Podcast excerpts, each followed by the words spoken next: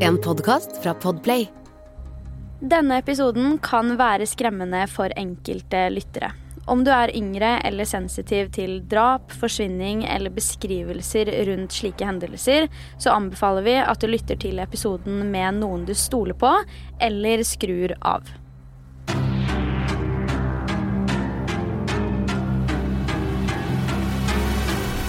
Hei og velkommen til en helt ny episode av Forsyningsfredag podcast. I denne ukens episode så skal vi snakke om en verden som vi ikke har vært innom tidligere her, og det er nemlig barnestjerner i Hollywood.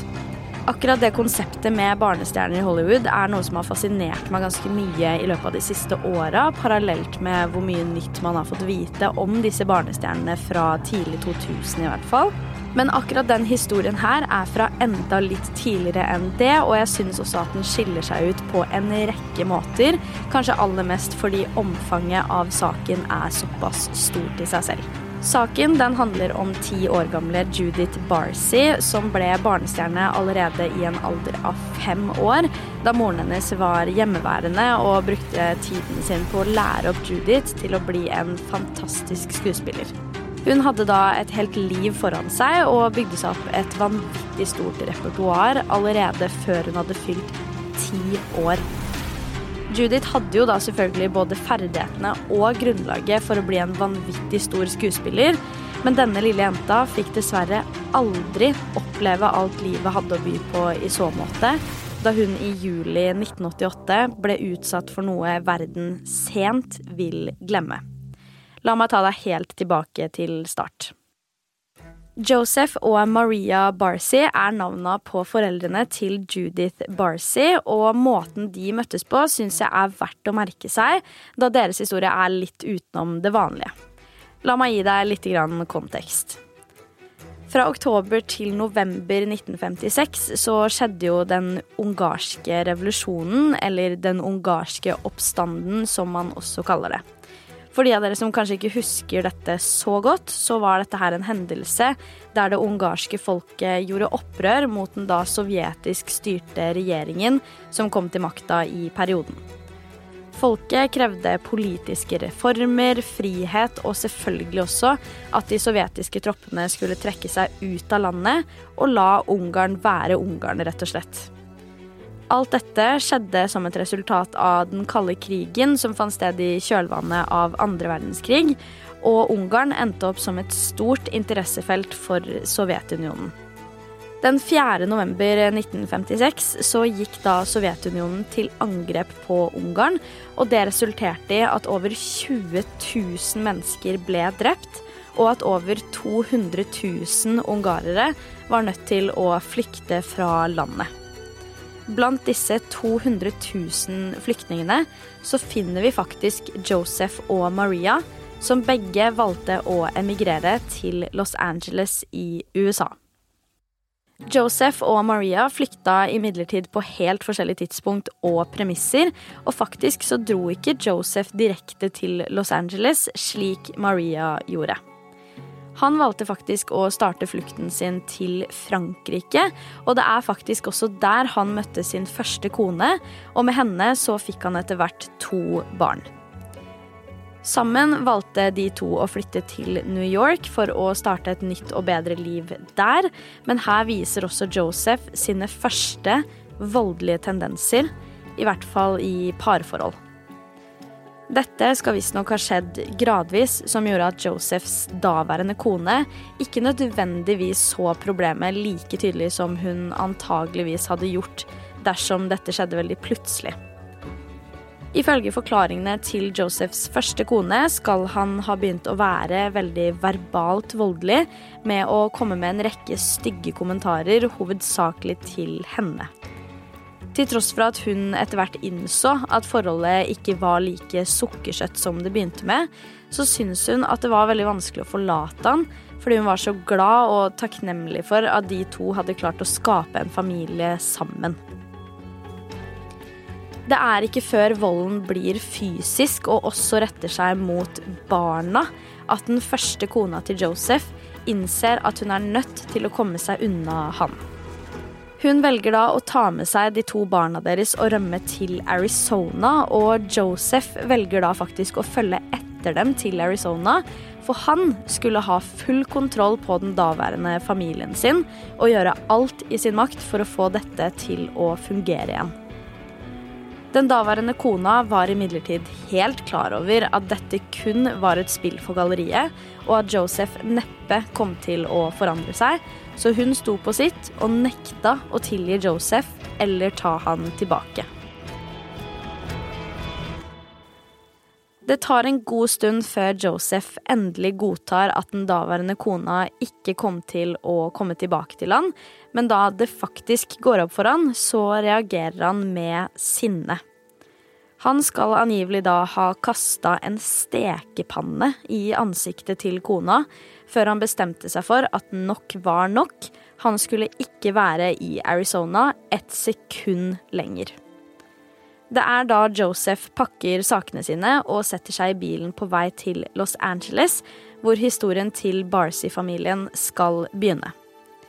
Han ønska nå nemlig å bli en ny og bedre versjon av seg selv, starte et nytt liv og i praksis rømme fra alt alle i Arizona og New York hadde å si om han.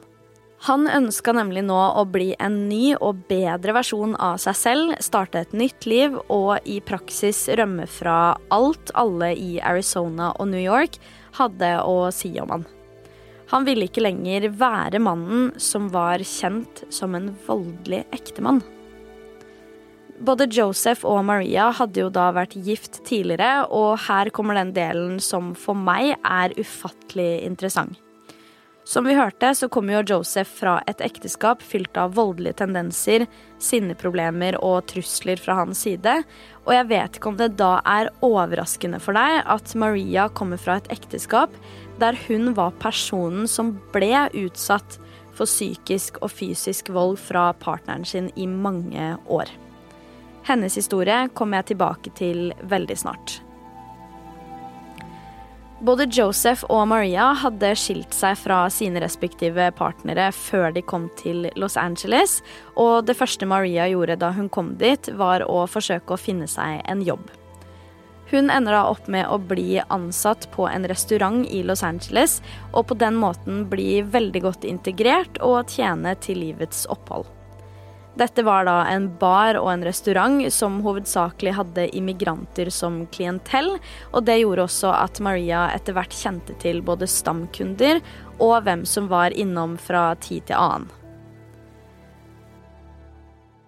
Det var da ved en tilfeldighet at Joseph en dag snubla inn døra på akkurat den restauranten som Maria jobbet som servitør i, og at de to kom i kontakt.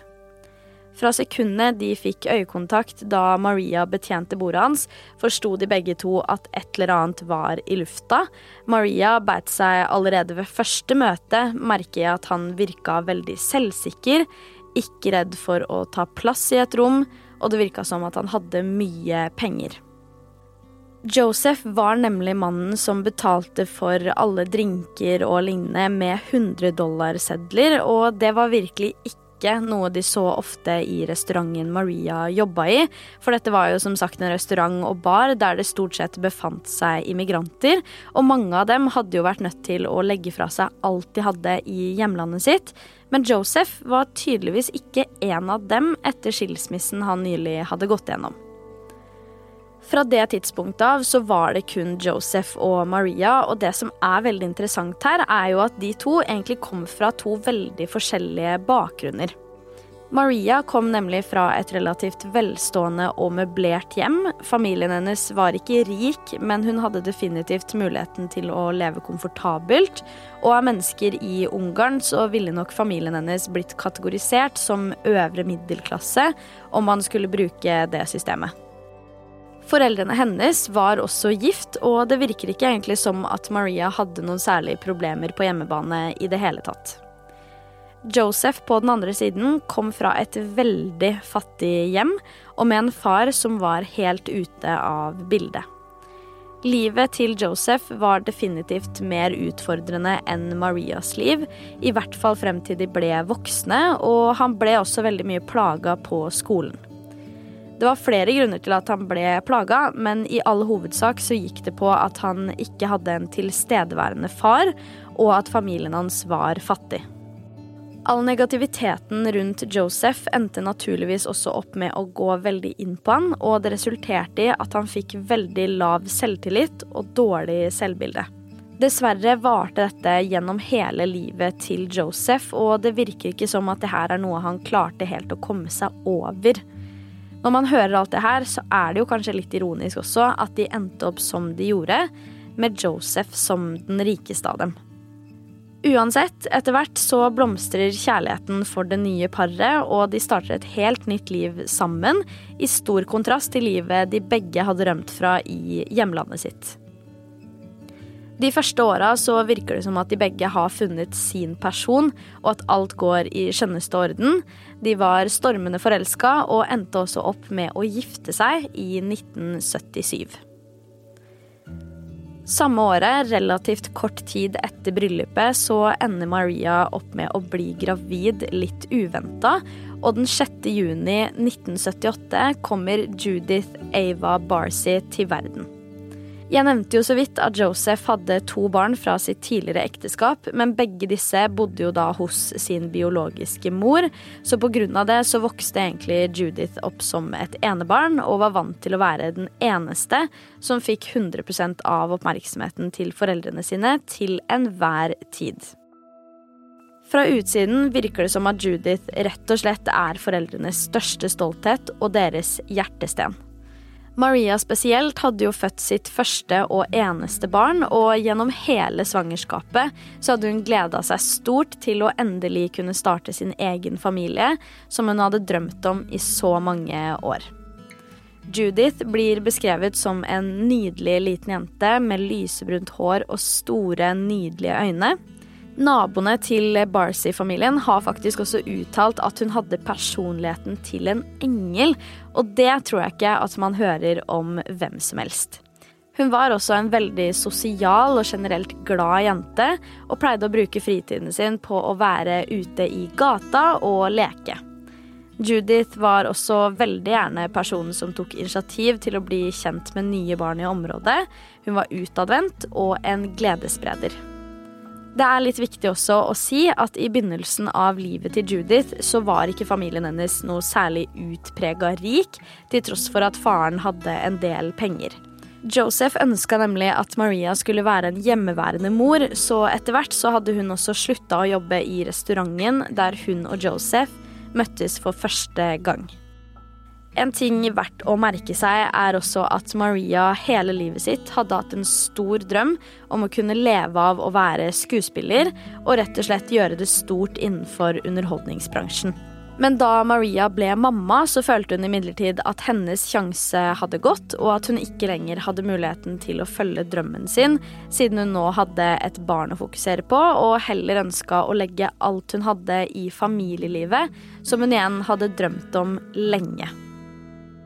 Så er det jo sånn da, at fordi Maria var en hjemmeværende forelder, så trengte de heller ikke å ha barnehageplass eller lignende for Judith. Så det var bare Maria som tok vare på henne på dagtid, mens Joseph var på jobb og tjente penger til familien. Det er i sammenheng med dette at Maria begynner å se muligheter for at drømmen hennes kanskje kan bli virkelighet likevel. Maria kom frem til at siden Judith var så ung, så kunne hun trenes til å bli en vanvittig god skuespiller. Så allerede da Judith var fem år gammel, begynte Maria å trene opp datteren sin på skuespillerfronten, slik at hun etter hvert kunne ta på seg profesjonelle roller. Visstnok involverte dette alt fra språket hennes, ansiktsuttrykk, dansing, synging og alt som kunne være fordelaktig for henne å være god i på auditions og i kommende roller. Det var ingen tvil om at Maria ønska at Judith skulle skille seg ut i mengden, men etter hva jeg kunne finne, så virker det også som at dette var noe Judith selv ønsket og elsket å gjøre. Allerede samme året som denne opplæringen begynte, så fikk faktisk også Judith sin aller første rolle, nemlig i en reklamefilm for Donald Duck Appelsinjuice, som faktisk var en greie på denne tiden i USA. Måten hun fikk denne rollen, var utrolig nok ganske tilfeldig også, fordi Barcy-familien var i utgangspunktet på et sted for typ innendørs skøyting. Samtidig var også et kamerateam der for å spille inn en reklamefilm, og det er sånn Judith egentlig ble oppdaget. En av personene i crewet fikk nemlig øye på Judith og tenkte umiddelbart at hun var perfekt for en reklame de planla å lage. Hun kom da bort til Judith og familien, og allerede dagen etter hadde Judith fått seg en agent som skulle jakte jobber for henne. La meg bare vise deg et lite lydklipp fra denne Donald Duck-reklamen, for den er helt ufattelig søt. Ever since Mom and Dad found out that Donald Duck is 100% pure orange juice, they've been acting kind of funny. I mean, I know it tastes good, but really? Honest, a giant green gorilla drink it all up. Oh, please. We don't know what to do with them anymore. Oh, well, maybe it's just a phase. Donald Duck, the 100% pure orange juice, now in the easy open juice block that fits squarely in your freezer. Så i denne reklamen så gjorde Judith faktisk det såpass bra at de som produserte reklamen, ønska å bruke henne flere ganger i andre sammenhenger, og det resulterte faktisk i at Judith landa totalt over 70 ulike roller i forskjellige reklamefilmer, i tillegg til å få mindre roller i TV-show, filmer og serier, annet true crime-miniserien Fatal Vision, hvor hun spilte rollen som tre år gamle Kimberly MacDonald. På toppen av det igjen så fikk hun også muligheten til å være stemmen i flere tegnefilmer. Deriblant så var hun stemmen til Ducky i The Land Before Time og Anne Marie i All Dogs Go to Heaven. For å nevne noen flere så hadde hun også roller i både The Twilight Zone, Jaws The Revenge og Destination America. Det er ingen tvil om at Judith var en veldig talentfull og ettertrakta skuespiller, spesielt i sin aldersgruppe. Faktisk så var det flere tilfeller hvor hun ble valgt før andre barneskuespillere fordi at hun så veldig ung ut og derfor kunne ta på seg rollen som en treåring, selv om hun egentlig var fem år i virkeligheten. Produsenter og castingbyråer ønska jo naturligvis å bruke en god skuespiller med god erfaring, og da virker det jo naturlig å velge en som er akkurat det, og som i tillegg kan se yngre ut enn hun egentlig er. Maria er egentlig den eneste av foreldrene som virkelig støtta denne reisen, så for å lande disse rollene og få flere jobber, så var det bare hun og Judith som reiste rundt på auditions og lignende, mens faren jobba som vanlig på arbeidsplassen sin. Da Judith gikk i fjerde klasse, så hadde hun en årsinntekt på da 100 000 dollar, som i dagens valuta tilsvarer rundt 250 000 dollar, altså i overkant av 2,7 millioner norske kroner. Det er en helt vanvittig årsinntekt i utgangspunktet, men så er hun jo i tillegg et barn som ikke engang har fylt ti år. Altså, det her er tall man sjeldent hører. Dette gjorde at familien nå hadde råd til å kjøpe seg et stort, nytt hus med tre soverom i West Hills i Los Angeles. Visstnok var dette en helt fantastisk tid i livet til Barcy-familien, og angivelig var alle veldig glade og fornøyde, spesielt med å ha kjøpt en ny bolig med mer plass. Det virker jo ikke som at livet kunne gått noe særlig mye bedre, men som jeg tror vi alle har skjønt, så er det ofte at ting ikke er så perfekt som det kanskje ser ut utad. Vi i Rema 1000 kutter igjen prisene. Nå på en mengde påskefavoritter. For eksempel kutter vi minst 25% på gourmetstykket fra Hatting, 150 gram bacon fra Nordfjord, rett i koppensuppe fra Toro og andre påskefavoritter. Alt dette og enda flere priskutt på minst 25% For det er sluttsummen på påskehandelen som teller. Og husk at vi fortsatt har fryst prisen på over 1000 varer.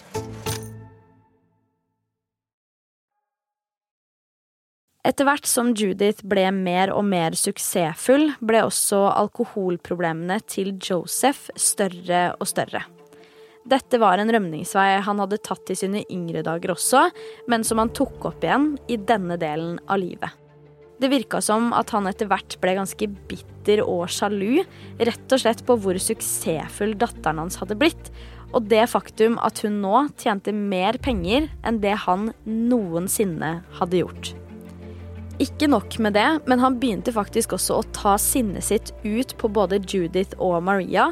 Og det begynte med at han var ganske spydig og kunne lire av seg en hel rekke kommentarer som ikke akkurat hørtes ut som en stolt forelder. Allerede der så må jeg jo si at man har et ganske dårlig utgangspunkt. For i en hvilken som helst situasjon så burde jo foreldrene bare være stolte og glade for at datteren deres får til ting allerede som barn. I tillegg til at de ikke engang hadde hatt råd til huset de bodde i, om ikke det var for Judith som fikk alle disse rollene. Det er vanskelig å forklare nøyaktig hvorfor ting ble som de ble, men Joseph endte uansett opp med å gradvis bli mer og mer sint, sjalu og rett og slett ufin overfor alt dette. Det er også parallelt med dette at han begynner å true med å ta sitt eget liv, i tillegg til Marias og Judiths liv. Samtidig sa han at han kom til å sette fyr på huset. I denne perioden av livet er Joseph rett og slett helt ute av det, og man kan trygt si at han ikke var noen trygg havn for noen, snarere tvert imot. En nabo har faktisk fortalt politiet om en hendelse som han kan huske, da Judith var ute og lekte i hagen med en drage. Som jeg fortalte tidligere, så var Judith en veldig sosial person som elska å være ute, så en drage var jo helt perfekt for henne. Jeg må jo også si at den hendelsen her syns jeg var hjerteskjærende å lese. fordi spesielt for et barn så føles det jo helt forferdelig å få gleden sin knust på den måten her. Og det som skjedde, da, var at hun var ute og lekte i hagen med dragen sin. Og Maria var også der ute og fiksa opp i noen planter. Plutselig, ut av ingenting, stormer faren ut i hagen, tar tak i dragen til Judith og med en gang blir Judith kjempestressa og sier at han må være forsiktig, sånn at han ikke ødelegger den. Maria bryter også inn, for åpenbart så skal han jo ikke ødelegge leken til datteren sin. Vel, Joseph sier da at Judith er en bortskjemt jente som ikke klarer å dele på lekene sine, så da knakk han og ødela dragen med vilje foran Judith for å, i hans ord, lære henne en lekse. Deretter stormer Joseph inn i huset igjen. Det er verdt å merke seg at flere naboer lenge hadde en dårlig magefølelse på Joseph, men at de aldri hadde noe som var såpass håndfast at de kunne rapportere det inn til politiet. Jeg har jo så vidt nevnt at Joseph veldig ofte brukte alkohol som en rømningsvei, og noen kilder hevder også at han var alkoholiker. Veldig ofte når han var full, så kunne han utagere i stor grad, spesielt mot Maria, men også mot Judith av og til. Dette kjenner vi også igjen fra hans tidligere ekteskap, til tross for at han visstnok ikke ønsket å være den mannen lenger. Joseph var både fysisk og psykisk voldelig mot Maria, men fordi Maria hadde vært i et forhold tidligere med veldig fysisk og psykisk vold, så reagerte hun utrolig nok ikke like mye på dette som hun kanskje ville gjort om hun ikke hadde erfaringer med det fra tidligere. Og alt det vil jo egentlig bare si at hun visste hvordan hun skulle håndtere det, og skjønte selv at hun var nødt til å gjøre noe med det her for at det ikke skulle eskalere og gå mer utover Judith. Datteren var nemlig Marias største og eneste fokus, så derfor bestemte hun seg for å ta kontakt med politiet i 1986, og da anmelde flere av de voldelige hendelsene som hadde skjedd. Dessverre så endte det med at saken ble henlagt fordi politiet ikke kunne finne noen fysiske tegn til mishandling eller vold. Joseph hadde imidlertid blitt arrestert for fyllekjøring tidligere, så politiet var helt klar over at dette var en mann med problemer. Når man blir anmeldt for et forhold, så har man jo også rett til å bli informert om det, så i dette tilfellet så fikk jo Joseph med seg at han nå hadde blitt anmeldt av sin egen kone. Som et resultat av det endte han faktisk opp med å slutte å drikke alkohol for en periode, men truslene mot kona og datteren fortsatte likevel i stor grad. Det virker faktisk til og med som at truslene begynte å komme oftere og oftere, og truslene de ble mer og mer grafiske. På dette tidspunktet kunne Joseph true med ting som at han skulle kutte strupen til både Maria og Judith, og at han deretter skulle brenne ned huset. Joseph viser da tegn til å bli desperat etter et eller annet som han har vanskeligheter med å få. Han fortsetter å være fysisk og psykisk voldelig, og det gikk faktisk så langt at Judith selv hadde fortalt en venn at faren hennes hadde kasta diverse kjøkkenutstyr på henne, typisk stekepanner og kjeler. Disse hendelsene hadde resultert i at hun hadde begynt å blø neseblod, og det er vanskelig å se for seg hvor traumatiserende det må være å sitte i en posisjon der din egen far gjør ting som dette. Judith var et helt uskyldig lite barn som ikke hadde gjort noe som helst for å fortjene en farsfigur som det her, men likevel klarte ikke faren å se forbi det. Han var fly forbanna uten at noen egentlig forsto helt hvorfor. Maria selv følte heller ikke at hun hadde sett noen faresignaler i forkant, for hun hadde aldri sett han som dette før. Det var visstnok fordi Joseph valgte å la den delen av seg utebli i alle disse årene. Og det viste seg at han i realiteten hadde satt på en fasade som skjulte de mørkeste sidene av han. Vi kjenner jo selvfølgelig til hans tidligere ekteskap, men venner Joseph hadde fra tidligere, har bl.a. sagt at de kjente han som en ganske aggressiv type, kanskje spesielt de gangene han hadde promille. De tidligere vennene har forklart at han kunne være en skikkelig kranglefant på byen, og at han egentlig ikke brydde seg om hvem han krangla med, så lenge han fikk krangla med noen den aktuelle kvelden. Så denne fasaden som han hadde forsøkt å bygge opp i så mange år, den falt sakte, men sikkert ned, og Josephs sanne jeg skulle vise seg i større og større grad for hver eneste uke som gikk.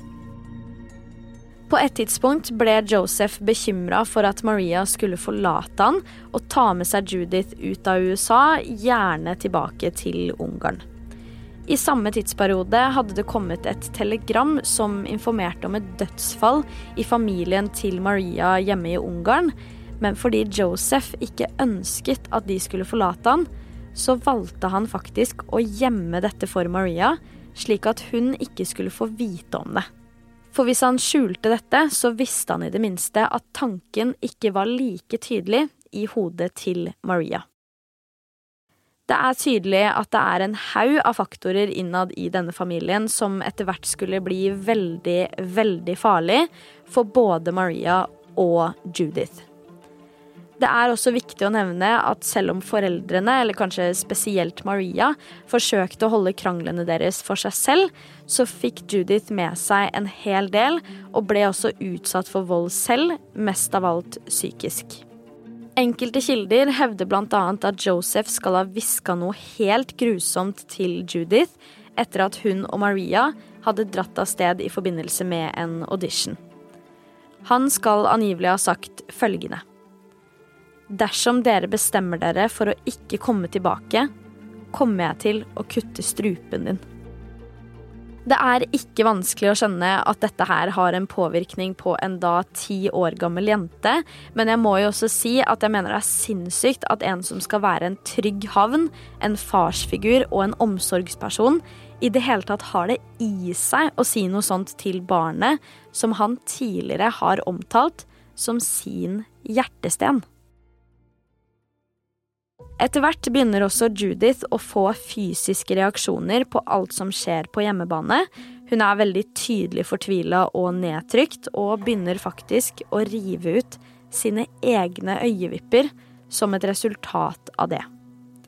Samtidig får Judith beskjed om at hun har fått rollen i en musikal som snart skal spilles inn, men fordi Judith virkelig går gjennom en hel del på hjemmebane, er dette det siste hun har lyst til å gjøre. Judith blir da helt hysterisk og klarer ikke å slutte å gråte. Det er helt åpenbart at alt faren har drevet med, har påvirket Judith i en helt forferdelig grad, så nå må moren ta tak.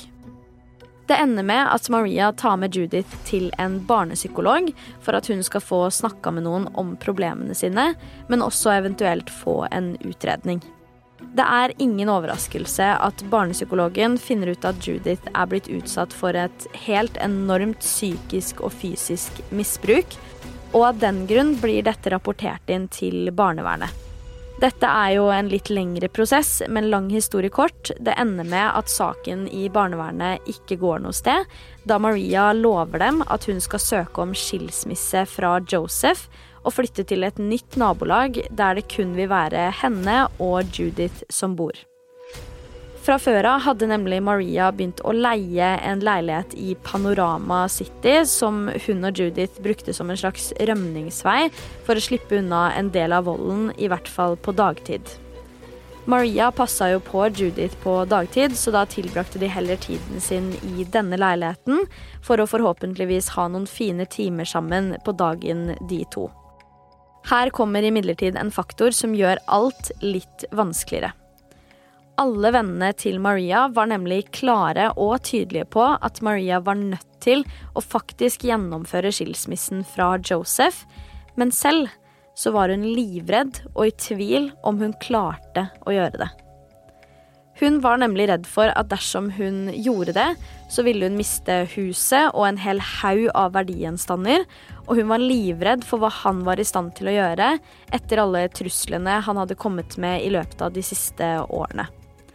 På toppen av det igjen så var hun også veldig redd for at Judith skulle miste alt hun selv hadde fått i forbindelse med skuespillerkarrieren sin, altså da alle de materielle godene som de endelig hadde fått råd til pga. karrieren hennes. Så må jeg jo også bare si, da, tenk å være i en såpass vanskelig situasjon der barnet ditt, som også egentlig har betalt for huset, er emosjonelt nedbrutt av alt faren hennes gjør, men så er man livredd for å havne på bar bakke og for hva han i det hele tatt er i stand til å gjøre når han får informasjon om skilsmissen. Altså, det er veldig enkelt å forstå at det her ikke er en lett situasjon å stå i. Det som gir enda et ekstra lag i den saken her, er det faktum at Joseph i denne perioden begynner å søke lykke og tilfredsstillelse fra andre steder enn ekteskapet sitt. Han blir etter hvert kjent med en ny kvinne, selv om han fremdeles er gift med Maria. Og denne kvinnen behandler han mye bedre enn han noen gang har behandla Maria og Judith. Den nye kvinnen får helt vanvittig mye oppmerksomhet. Hun får gaver og blomster, blir tatt med på dyre middager og dates, og spesielt får hun helt enormt mange dyre smykker. Så vidt vi vet, er ikke dette forholdet noe som Maria fant ut av noen gang. Men det har egentlig ikke så veldig mye å si for historien.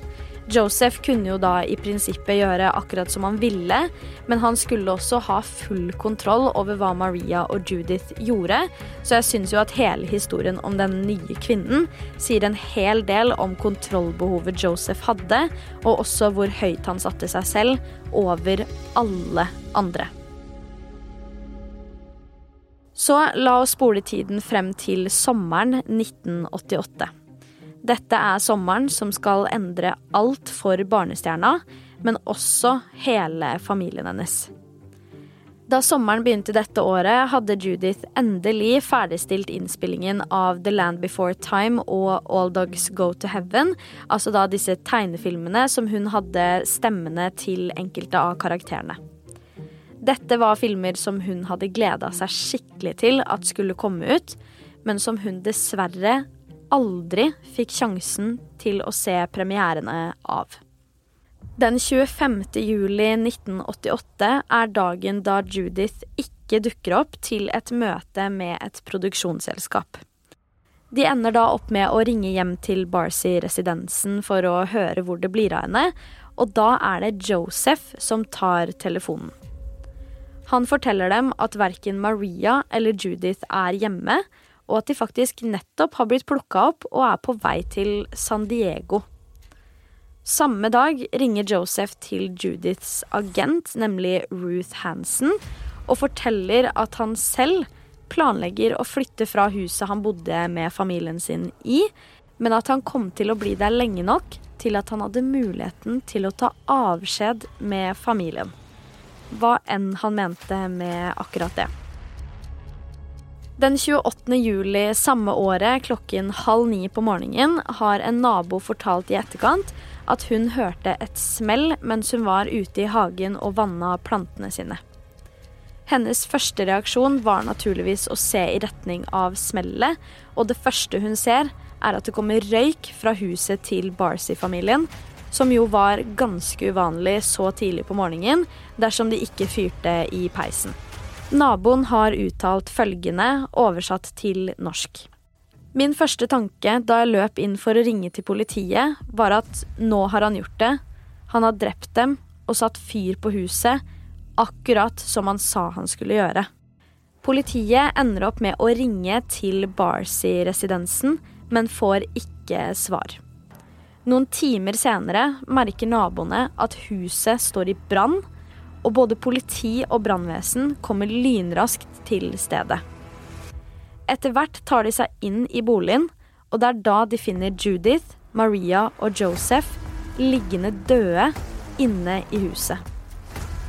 Kroppene blir i ettertid naturligvis undersøkt, og det er på den måten rettsmedisinerne har klart å finne ut at Judith og Maria hadde blitt skutt én gang hver seg med en pistol, og at Joseph da hadde fylt hele huset med bensin, tent på huset og deretter tatt sitt eget liv mens huset sto i flammer, også da ved hjelp av en pistol.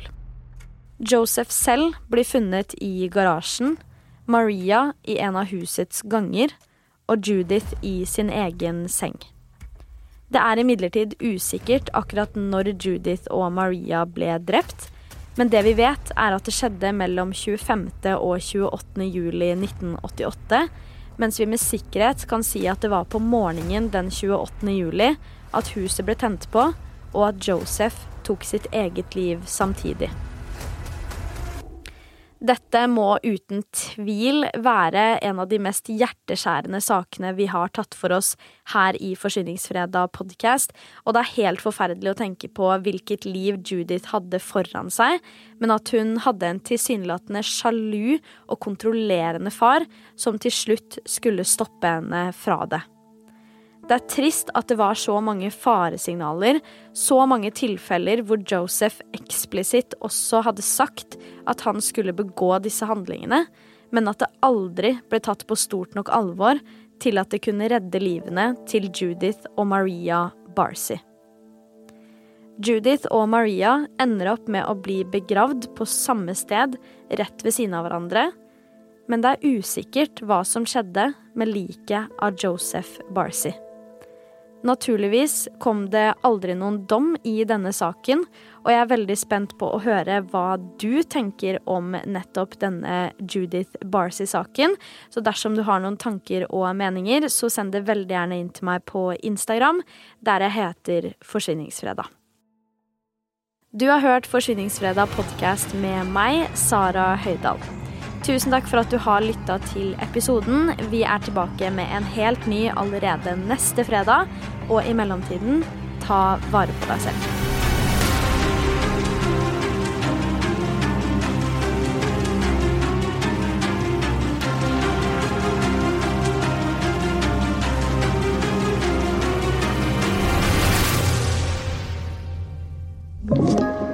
Du har hørt en podkast fra Podplay. En enklere måte å høre podkast på.